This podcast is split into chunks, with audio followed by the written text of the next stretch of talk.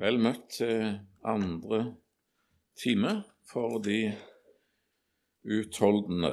Det er veldig flott du er her. Og vi har eh, vært på fjellvandring, vi har vært på en høyde, bar mot Bal, og vi har hørt uh, i, ja, noe av det Herren uh, talte om til Biliam på denne eh, høyden. Nå flytter vi oss til, fremdeles til kapittel 23, men fra vers 13, og så leser vi dere sammen. Da sa, altså 4. Mosebok 23, 13, da sa Balak til ham, til Biliam, Kjære, kom og vær med meg til et annet sted, hvor du kan se dem. Du vil bare få se utkanten av folket Hele folket får du ikke se. Derfra skal du forbanne dem for meg. Så tok han ham med seg til Speiderhaugen på toppen av Piskafjellet. Der bygde han sju altere og ofret en okse og en vær på hvert alter. Bli stående, sier Biliam til Balak, ved ditt brennoffer, jeg går dit bort for å møte Gud. Vers 16. Og Herren kom til Biliam i møte og la et ord i hans munn, og sa, Vend tilbake til Balak og ta det som jeg har sagt deg. Da Biliam kom tilbake til ham, så han Balak stå ved sitt brennoffer sammen med Moabs høvdinger. Og Balak sa til ham, Hva har Herren talt? Da stemte han i sitt kvad og sa, Stå opp, Balak, og hør, lytt til meg, du Sippors sønn. Gud er ikke et menneske så han skulle lyve, heller ikke et menneskebarn så han skulle angre. Skulle han si noe og ikke gjøre det? Skulle han tale og ikke sette det i verk? Se, jeg fikk bud om å velsigne. Han har velsignet, og jeg kan ikke omstøte det. Så egentlig så er det noe av dette som Herren gjennom Biliams sier, at, eller gjennom Biliams munn, at hvem tror du Gud er?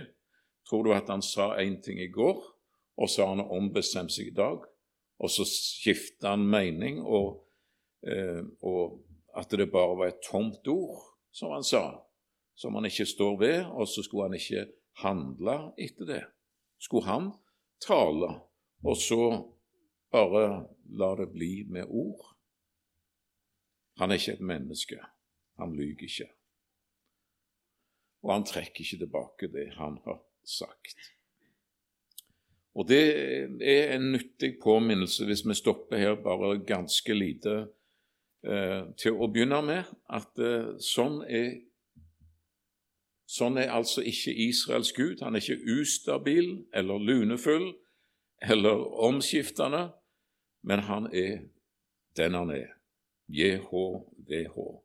Og Jeg husker ei dame som sa det, fortalte om en trøblete barndom. og Hun sa det at jeg visste aldri hva som venta meg når jeg kom hjem. Om det var overøsing av kjærtegn, eller om det var en ørefik, eller hva det var, utskjelling. Jeg visste aldri hva som venta meg, og jeg eh, visste heller ikke hvorfor det var sånn.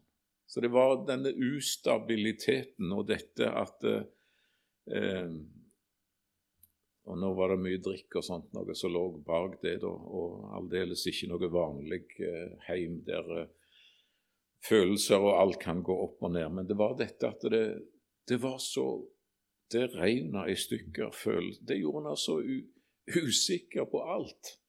Hva kommer? Hva venter? Og det det som er en av de veldig gode ting med den Gud som du og jeg får lov til å tro på, at han er ikke lunefull.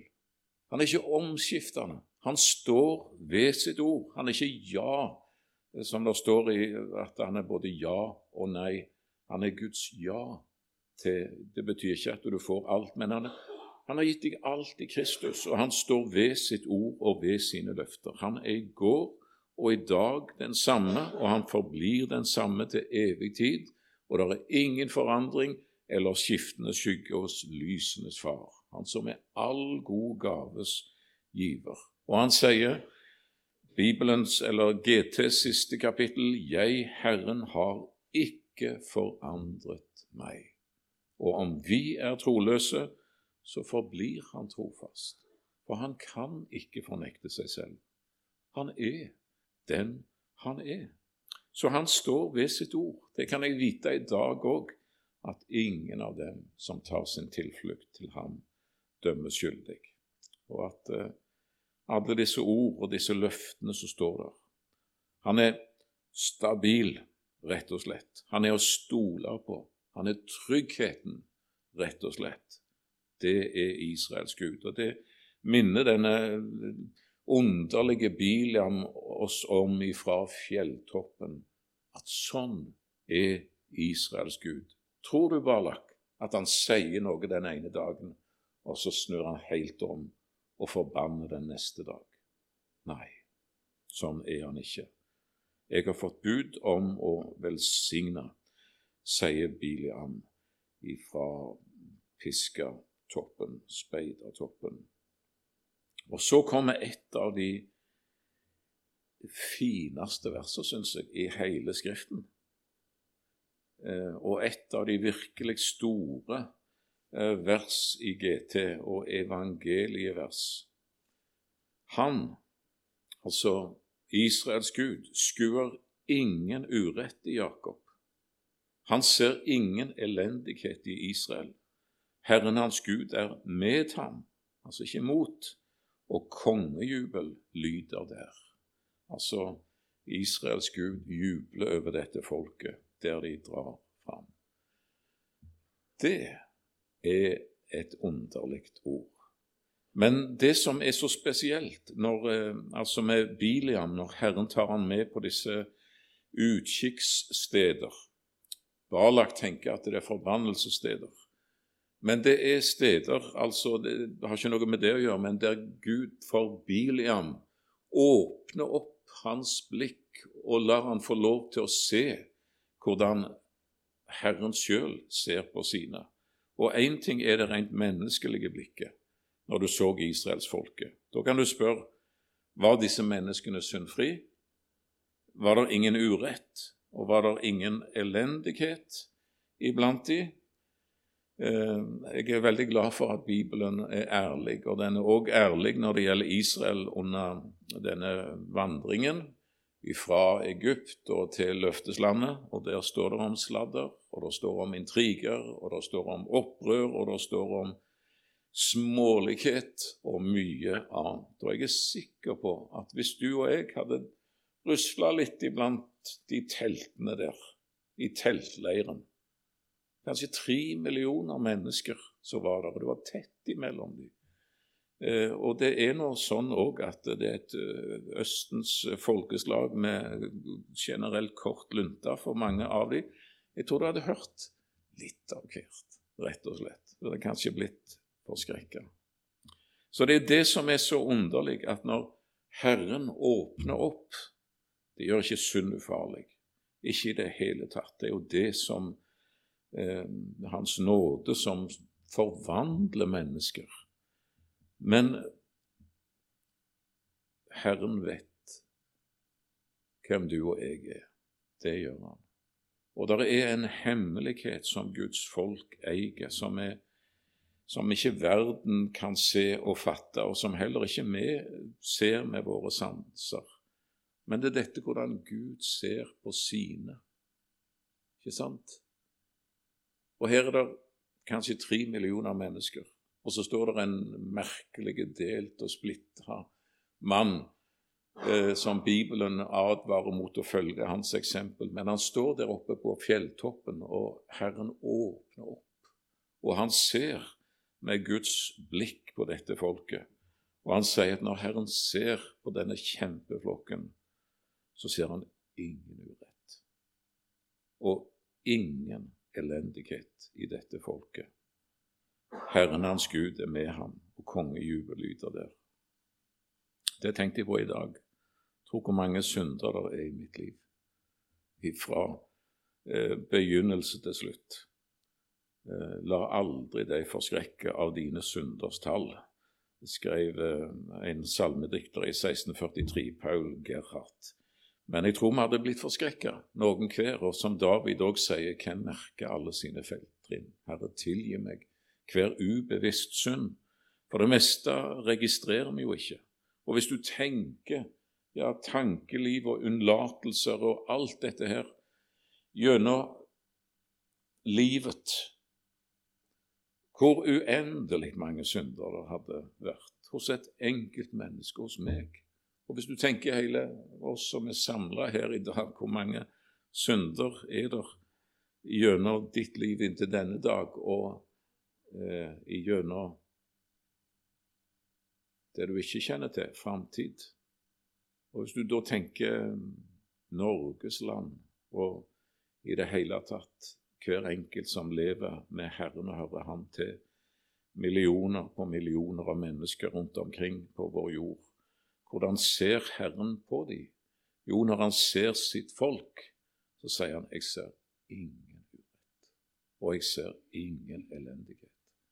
For det er et faktum at Jesu, Hans Sønns blod, renser oss fra all synd. Og Det fortsetter Biliam å si noe om. Han sier at Gud har ført dette folket ut av Egypt. Og det finnes ikke trolldom i Jakob, ikke spådomskunster i Israel. De lever rett og slett i Dette er de oppriktige. Det er de som lever i lyset. Visst er de syndere i seg sjøl, og visst er det urett, og visst er det elendighet. Men deres forrett og deres privilegium, det er det at de har del i en frelse som gjør de rene og fullkomne for Gud. Derfor velsigner Gud. Derfor er det ingen forbannelse over dem, og jeg er ikke i stand til å overprøve det, sier Biliam. Jeg kan ikke forbanne når ikke Gud gjør det, da er det aldeles umulig for meg. Jeg syns det er et vidunderlig vers, og det, si, det er mye vanskeligere å tro det enn at eselet snakket. Men eh, sånn er det. Det står der i Skriften han skuer ingen urett i Jakob, og han ser ingen elendighet i Israel. Da er det bare å si ja takk Og i all ydmykhet. La det òg være mitt. Eh, ja, jeg tror ikke vi dryger lenger eh, her på fjelltoppen. Vi kan ta med for tida sin del vers 25. Da sa Barlak til Biliam Han er ganske gretten nå, kong Barlak, Du skal verken forbanne eller velsigne det. Hvis du ikke kan forbanne det, så trenger du iallfall ikke velsigne dette folket. Men Biliam svarte Barlak, har jeg ikke alt sagt deg, at jeg ett og alt må gjøre som Herren sier? Det er noe rakrygga over denne mannen. Og i det ytre så kan det se ut som han har stått, bestått den andre eksamen, den andre testen. Men Bileam, hvor er ditt hjerte? Hvor er ditt hjerte? Hvor er du egentlig? Den tredje fjelltoppen den eh, er òg eh, bemerkelsesverdig. Vers 27. Eh, da sa Balak til Bilian, kjære, kom med meg, så vil jeg ta deg til et annet sted Kanskje det vil være rett i Guds øyne at du forbanner dem for meg derfra. Så tok Biliam med seg, Balak med seg Biliam opp på toppen av Peor. Peor betyr åpning, eh, der en kan se utover hele ørkenlandet. Kanskje Det er nesten som jeg eh, Det er en antydning nesten i navnet òg at, eh, at kong Balak tenker at nå har vi prøvd ifra den kanten, ifra bar mot bal, og der velsigner Herren. Så har vi prøvd ifra piska, og der òg velsigner Herren ifra det perspektivet. Men kanskje hvis vi flytter heritil, og at eh, Herren ser sitt folk ifra en annen kant, kanskje det ikke er et så flatterende syn da. Så kanskje det, det kan nytte at vi her, at en herifra forbanner Israel. Akkurat som han speidet en svakhet, en åpning i denne frelsen, eh, der han kan overliste det. Men det er ingen svakhet ved, ved det fullkomne frelsesverket. Massevis av svakheter hos oss, men ikke ved den frelse som eh, er fullbrakt. Men eh, sånn er det, og eh, vers kapittel 24 og vers 1 Da Biliam så at det var Herrens vilje at han skulle velsigne Israel, gikk han ikke bort for å søke tegn, slik han hadde gjort de to første gangene, men han vendte seg mot ørkenen. Og Biliam løftet sine øyne og så Israel leiret etter sine stammer. Da kom Guds ånd over ham, og han stemte i sitt kvad. Så sier Biliam, Beors sønn, så sier mannen med lukket øye. Altså det, at han, er, han, han, ser ikke det som er om, altså med, med det fysiske blikket lenger. For han, så sier han som hører ord fra Gud, som skuer syner fra den allmektige. Nå åpner Herren opp for meg så jeg igjen får se med hans blikk hvordan han ser på sine, og jeg får høre hans ord og ikke mine egne tanker. Så sier han som hører ord fra Gud, som skuer syner fra den allmektige, sunket til jorden med opplatt øyne. Hvor fagre er dine telt, Jakob, dine boliger, Israel, som hvite daler, som hager ved en elv, som aluetrær, Herren har plantet, som sedrer ved vannet. Vann tømmes ut av hans kar, hans utsted får rikelig vann. Mektigere enn Agak skal hans konge være, og skal hans konge være opphøyet til hans være. Opphøyet skal hans kongerike være. Ja, vi stopper litt der, for uh, det er noe å si. Eh, og igjen dette at en nå ser Biliam eh, ikke med sitt naturlige øye, men han ser Guds syner. Herren åpner opp for ham. Og han ser Israel, står der, leiret etter sine stammer. Eh, de var på vandring, og de hadde dette tabernaklet, dette sammenkomstens telt, med seg.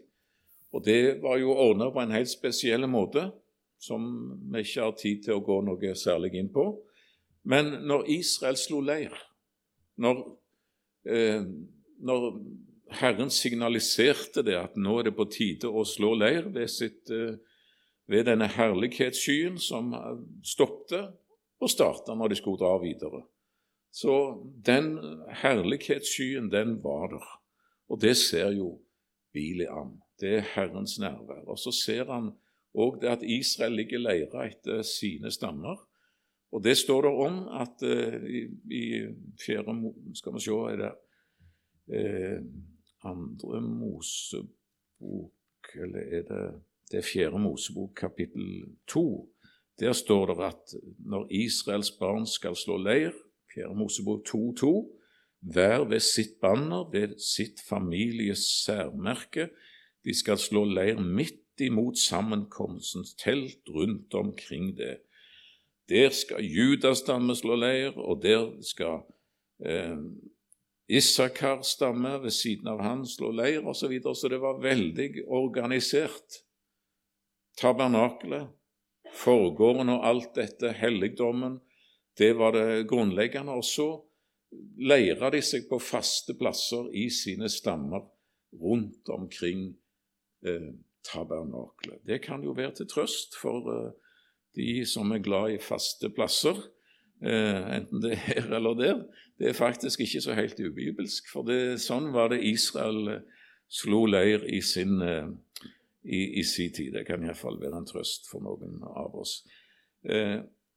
Og det er noe Altså tabernakelet i sentrum, ikke sant? Og der ute i forgården. Og når Biliam står der oppe på fjelltoppen, så ser han jo det i den åpne forgården. Der ser han brennalteret være. Og på det brennofferalteret der ligger det et offer til soning for Israels synd. Og det står i 3. Mosebok 6 at den ilden den måtte alltid holdes brennende. Og det måtte alltid ligge et offerdyr etter de bestemte kriterier som Herren hadde ordna på alterilden. Det må ikke slukne, står det. Flere ganger står det om det. Den ilden den må alltid brenne, og offeret det må alltid ligge derpå. Hver morgen, hver kveld, sørge for at offeret ligger der. Og det har med soning å gjøre, for det er offeret til soning for Israels synd. Det er det som i Bibelen kalles for det stadige offer, det vedvarende offer. Det peker på Jesus. Det peker på hans offer for våre synder, og det peker på det som 1. Johannes 2 sier, at han er en soning for våre synder. Og det peker i det hele tatt på dette at Jesu hans sønns blod renser oss uavbrutt fra all synd. Så når, når det er i sentrum, Håper å si om de forskjellige stammer var der eller der eller der, og det er mange stammer i kristenheten òg i, i, dag, med forskjellige retninger og sånt, men det, det som er om å gjøre, det er at det er Jesus i sentrum og offeret i sentrum. At det er det det handler om. Nådestolen, eh, helligdommen, alt det som peker på Jesus. Det, må, det, ikke, kan ikke være langt ut på viddene der eller viddene der, sier Herren. Når du leirer deg, så skal du slå leir rundt omkring dette med å alt sikte inn imot ja, det du eier i Jesus og hans vedvarende Altså det offeret som alltid har gyldighet. Der skal, der skal hjertet være. Og så står denne Biliam på fjelltoppen eh, og, og, ser nedover, og han ser. Han ser Herrens nådige nærvær, denne herlighetsskyen. Han ser offeret som ligger der. Og han ser nok inn i selve det aller helligste og nådestolen og alt dette. Og igjen så, så, så er det akkurat som om eh, du ser Bileam sitt hjerte oppi dette, og en, en lengsel, og du ser et følelsesutbrudd når Guds ånd kommer sånn over ved dette synet. Da kom Guds ånd over ham, og han utbryter hvor fagre er dine telt, Jakob, dine boliger, Israel. Hvor vakker du er. Ter du din adresse der du bor, hvor det lyser og skinner av deg. Og som hvite daler, som hager ved en elv, som aloetrær Herren har plantet. Altså, du bor i, du bor i selve paradishagen. Du bor i overflod, de grønne enger og elver som renner der, og vann, og der er overflod. Vann tømmes ut av hans kar. Hans utsett får rikeligere eh, får rikelig med vann. Overflod. Og denne konge, han er større enn noen annen jordisk konge, større enn Agag, og hans kongerike, det er større det er opphøyet. Og dette folket, det får lov til å være en del av dette kongeriket. Jeg er kommet for at dere skal ha liv og ha overflod, sa Jesus. Og hvis du tenker Romerbrevet 8, først, eller Efeserbrevet kapittel 1 og de mange avsnitt i Skriften som handler om storheten i frelsen overflod, overflod, overflod. Og hvor hvor fagre er dine telt, hvor vakkert du bor, og hvor vakker du er. Det utbryter denne, denne Bileam ifra, ifra P-ordtoppen. Eh, det er vakkert, og det skal faktisk et Guds barn få ta til sitt hjerte. At sånn er det når eh, Herren åpenbarer og viser Biliam hvordan han ser på sine. Velsignet, står det i vers 9. Velsignet være den som velsigner deg, forbannet den som forbanner deg. Og jeg håper å si, nå nå er du modig, Biliam. Eh, nå er det nok sånn at du er bundet av Guds løfte. Du er ikke i stand til å sette deg ut over det han sier. Men eh, det er noe òg ved hjertet her som eh, altså det, Han griper så tydelig når han utbryter dette. Og så sier han 'velsignet være den som velsigner deg'. Og Det er ikke bare det at han velsigner Israel, men egentlig så retter han jo forbannelsen imot kong Balak, som står der eh, like ved sida. Forbannet den som forbanner deg. Da eh, var kong Balak sin tålmodighet slutt. Det kan vi jo forstå.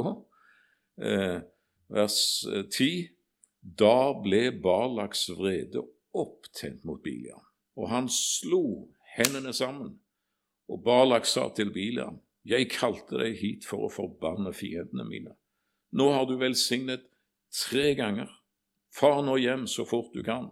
Jeg hadde tenkt å vise deg ære, men Herren har nekta deg den. Du har sparken. Kom deg hjem, og vær glad du kom ifra dette med liv i behold. Ja, ja, Biliam, vers 12, svarte Balak, sa jeg ikke allerede til dine sendebud. Om Balak ga meg sitt hus fullt av sølv og gull, kunne jeg ikke gjøre noe mot Herrens ord og handle etter mitt eget hjerte, verken godt eller ondt. Jeg kan ikke tale annet enn det Herren sier. Se, jeg vender nå hjem til folket mitt, men la meg først varsle deg om hva dette folket, Israel, skal gjøre med ditt folk i de siste dager. Jeg skal dra, men jeg er ikke, jeg er ikke ferdig ennå, sier Biliam. Jeg har noe mer på hjertet. Og så stemmer han i sitt kvad i vers 15. Så sier Biliam, Beors sønn, så sier mannen med lukket øye, altså for det ytre, synlige. Så sier han som hører ord fra Gud og har fått kunnskap fra den høyeste, han som skuer syner fra den allmektige, sunket til jorden med opplatt øye. Jeg ser ham, men ikke nå. Jeg skuer ham, men ikke nær. En stjerne stiger opp av Jakob, altså av Israel. Et spir løfter seg fra Israel. Han knuste Moabs tinninger og utryddet ufredsetten. Edom blir ham underlagt, Seir, hans fiende, blir ham underlagt. Stort velde vinner Israel. En hersker går ut fra Jakob. Hvem var det du så, herr Bileam, når du sa det at jeg, jeg ser ham, men ikke nå? Jeg skuer ham, men ikke nær. Det ligger langt framme. Det ligger i endens tid. Ja, tro om det ikke var om det ikke var Jesus sjøl han så. Det er mange som mener at dette handler om David og, og sånt, og det kan være en midlertidig oppfylling. Men David er jo bare et forbilde og et, eh, en prototype i Skriften på han som siden skulle komme, og som kalles både David og Davids sønn, og som kommer av Davids ett, nemlig Jesus.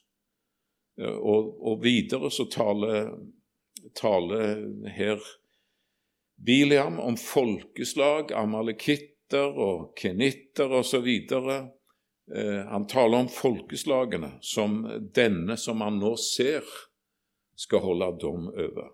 Og det vet vi at det står om, om Jesus, at han skal, han skal dømme folkeslagene, rett og slett.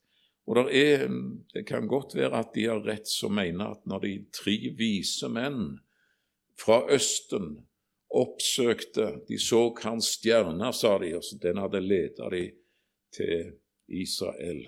En konge er født. Eh, det er de som mener at det er veldig sterke hindisier på at det har sin bakgrunn i Biliams profeti om han som skulle komme, og dette, denne stjerna som stiger opp av Jakob, dette herskerspiret som løfter seg fra Israel. En hersker går ut fra Jakob. Og Han er på en sånn en måte òg en, en, ledd i denne profetiske kjeden, eh, som ja, Jesus stamtavle, som det står om i Matteus kapittel 1, de 42 generasjoner som det står om der, eh, eh, fram til på, fra Abraham og til Jesu fødsel. På, da er det på Josefs side det står. Men det er jo ganske underlig, for de første fire navnene du finner der, de er skrevet. Og noen andre òg, for all del. David f.eks. og hans far og hans sønn står òg skrevet på forhånd inn i Jesu ettertavle. Han skal komme av denne slekt. Og ikke sant, Abraham, i deg skal alle jordens slekter velsignes. Og så går det videre til ikke Esau, men det står at i Isak skal det nevnes det en ett, står det i første Mosebok 21 vers 12.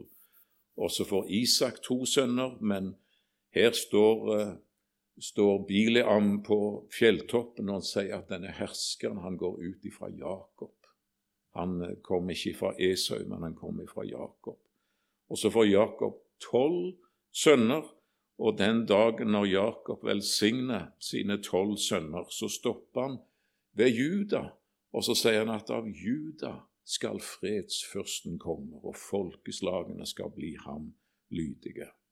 Så han velsigner Juda og disse fire første generasjoner i den slektstavla. Det, det er talt om på forhånd, og det står altså òg i, i Matteus kapittel 1. Og et ledd i dette er denne merkelige Bileam, som står der på fjelltoppen, på en måte så uredde, og har fått sparken de luxe av Balak, men sier vent, jeg er ikke ferdig ennå, jeg ser noe mer.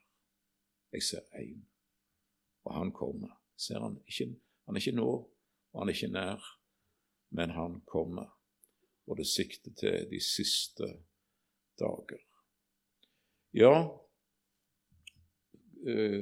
kapittel 24 og vers 25. Så sto Biliam opp og vendte hjem igjen, og Bilak dro også sin vei. Og tenk så fint det hadde vært om beretningen om Bileam hadde slutta her. At han hadde stått prøven og vært lydig Men dessverre så er det det som er den store tragedien, og som er grunnen til at, at Judas, Jesu lillebror, roper ut denne, dette ved over denne Biliam. For i kapittel 25, vers 1, altså det neste verset, der står det at mens Israel oppholdt seg i Shittim, begynte folket å drive hor med Moabs døtre.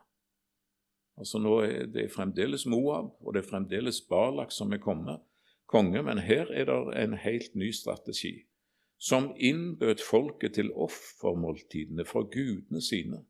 Og folket, altså Israel, åt og tilbad deres guder. Israel holdt seg til Bal Peor. Da ble Herrens vrede opptent imot Israel. Hva er det som skjer? med dette folket som det ikke var noen forbannelse over. Nå er de kommet under Herrens dom. Hva er det som er skjedd, og hvem er det som står bak? Biliam. 4. Mosebok 31 og vers 16. Eh, 4. Mosebok 31 og vers 16. Da er det Moses som taler til Israel. Og han sier at det var jo de, altså disse Moabs kvinner, som på Biliams råd forførte Israels barn til troløshet mot Herren for Peors skyld.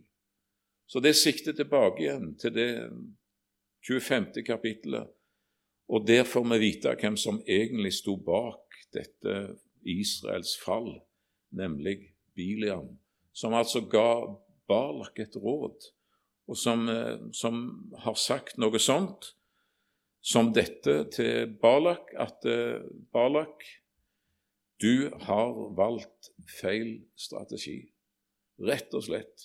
Du har valgt å behandle Israel som dine fiender. Du vil møte dem på slagmarka, eh, ansikt til ansikt, med våpen. Og det går ikke.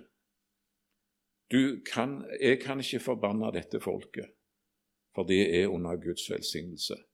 Men det skal du vite, Balak, at de er ikke noe bedre enn oss, enn deg og meg. De er akkurat de samme etter sin natur som vi er. De er syndere.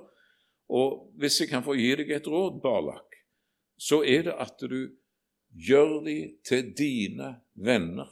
For hvis de blir dine venner, da blir de Guds fiender.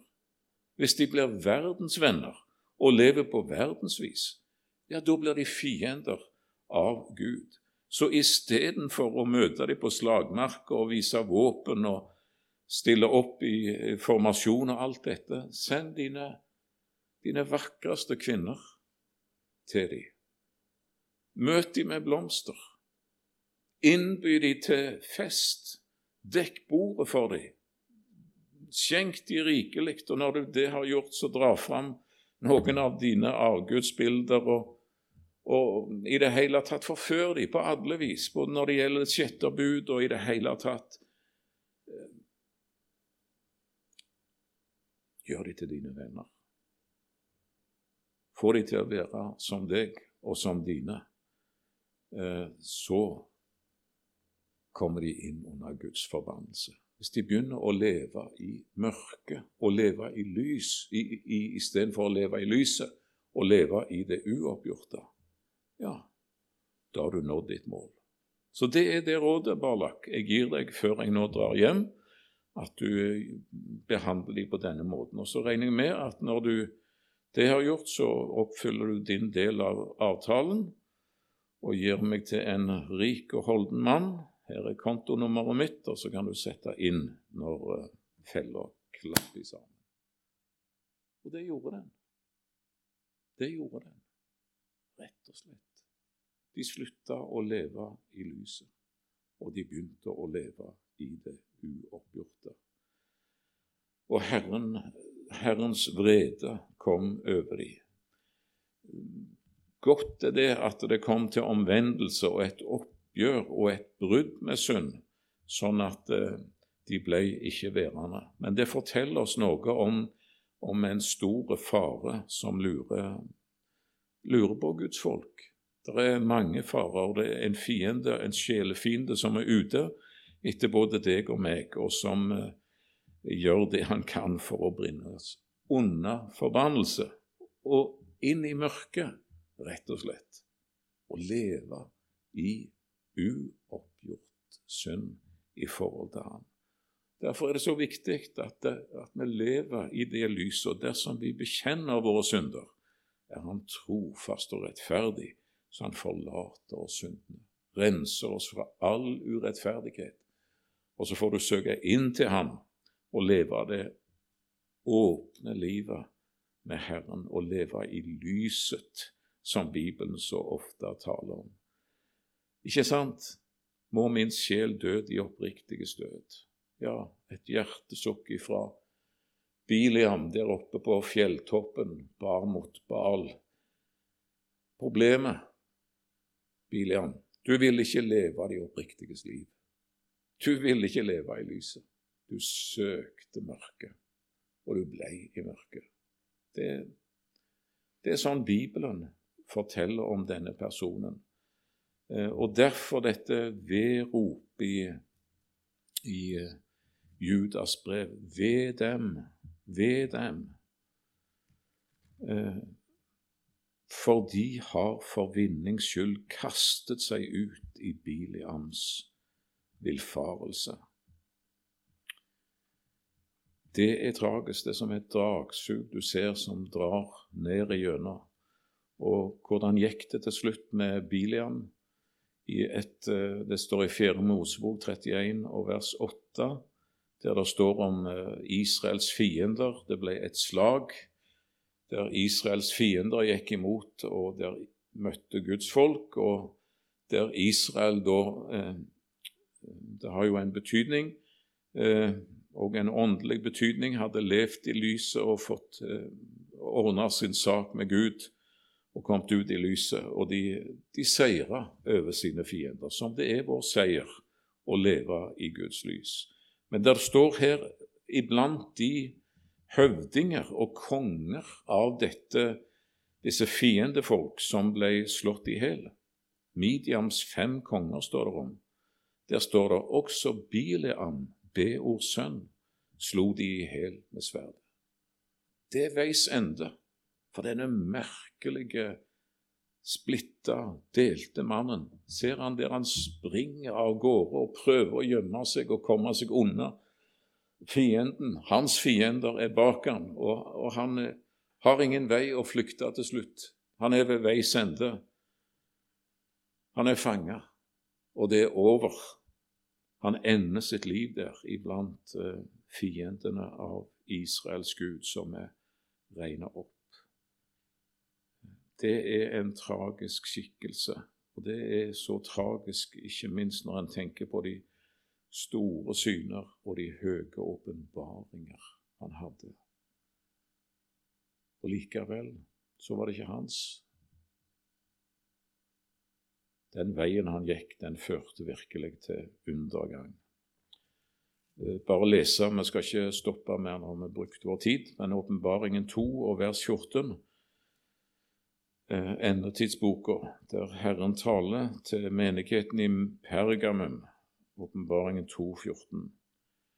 Jeg har noen få ting imot deg.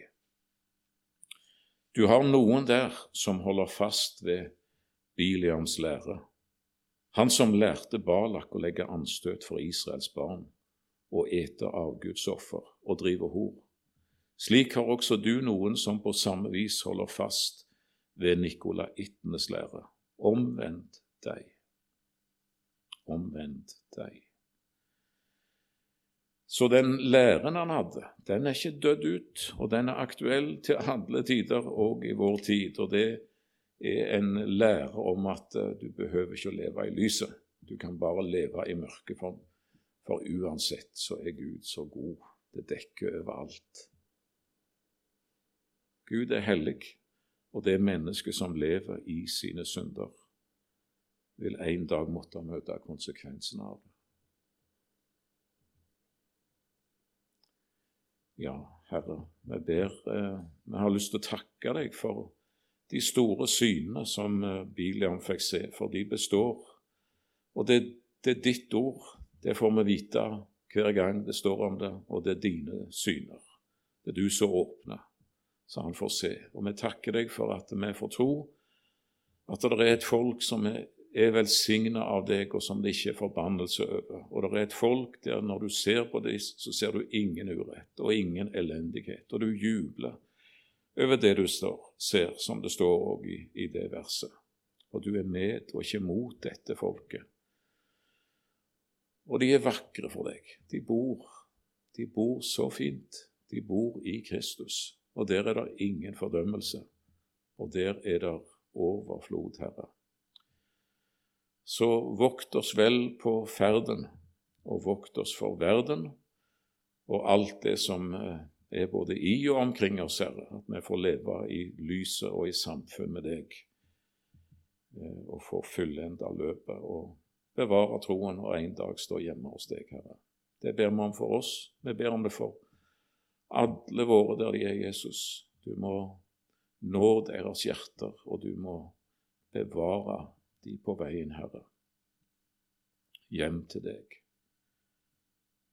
Jeg ber i ditt navn. Amen.